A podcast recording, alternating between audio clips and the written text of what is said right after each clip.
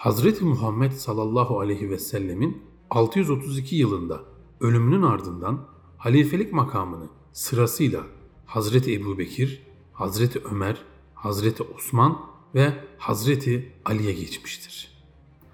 Hazreti Osman'ın öldürülmesinin ardından halifelik makamına geçen Hazreti Ali, Hazreti Osman'ın katillerini bulmamakla suçlanmıştır. Hazreti Ali ve Muaviye arasında gerçekleşen Sıffin Savaşı'nın ardından Müslüman dünyasında ayrılıklar baş göstermişti. İslam dünyası iki ayrı yönetim tarafından idare edilmeye başlanmıştı. Kufe, Hazreti Ali'nin halifeliğinde, Şam başkent olmak üzere Hazreti Muaviye'nin yönetimindeydi. Hazreti Ali bir harici tarafından öldürülünce Hazreti Hasan halifeliği Hazreti Muaviye'ye bırakmak zorunda kalmıştı. Fakat Muaviye'den sonra halifelik Hazreti Ali'nin diğer oğlu Hazreti Hüseyin'e devredilecekti. Medine valisi Mervan, Muaviye'nin yerine halef tayin ettiği oğlu Yezid'e kendi adına biat almasını isteyen mektubunu Mescid-i Nebevi'de okuyunca halk feveran etti.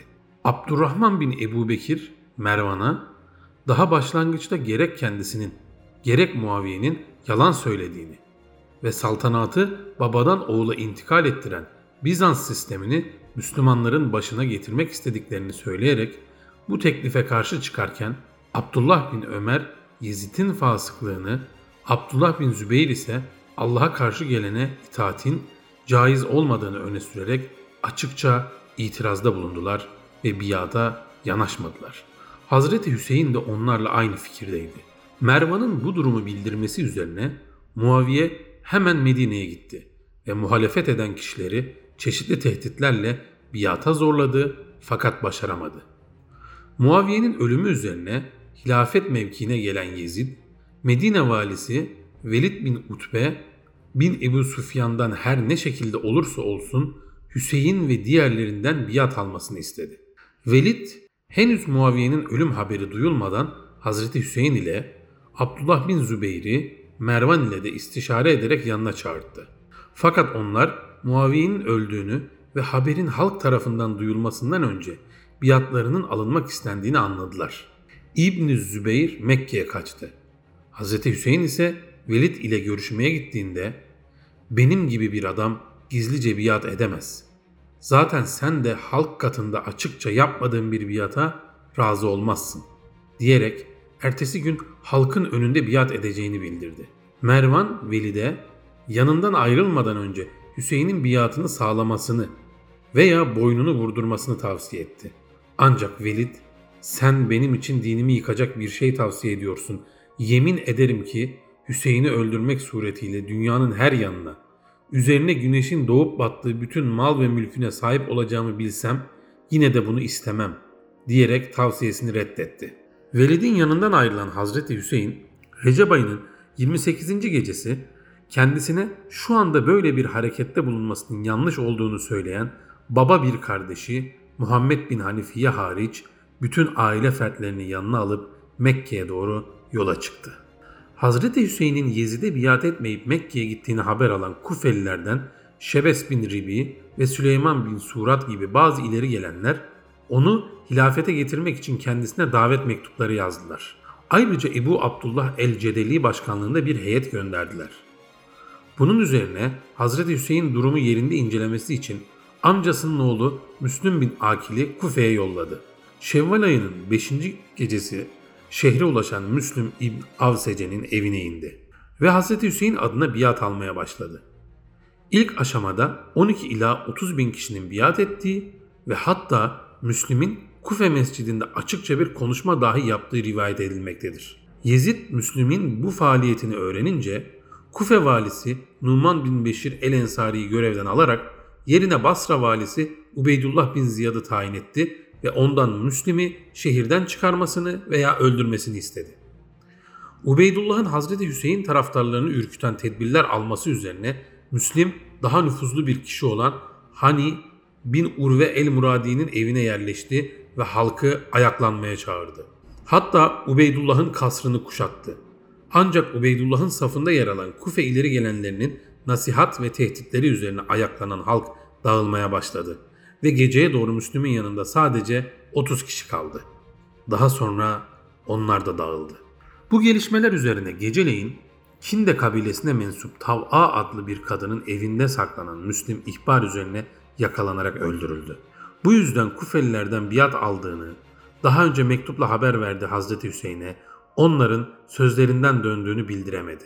Kufe valisi Ubeydullah'ın emriyle kafileyi uzun süredir bin kişilik kuvvetiyle gözetlemekte olan Hür bin Yezid, Hazreti Hüseyin'in Kerbela'ya ulaştığını valiye bildirdi. O da kafilenin sarp ve mustahkem yerlere sığınmasına engel olunmasını, susuz ve savunmasız bir yerde konaklamaya mecbur edilmesini istedi. Rey valiliğine getirilen Ömer bin Sa'd bin Ebu Vakkas'a da ordusuyla Hazreti Hüseyin üzerine yürümesini ve bu meseleyi halletmesini emretti. Ömer bin Sa'd önce bu işe yanaşmak istemediyse de yoğun ısrar ve görevden alınma tehdidi karşısında kafilenin üstüne yürüdü.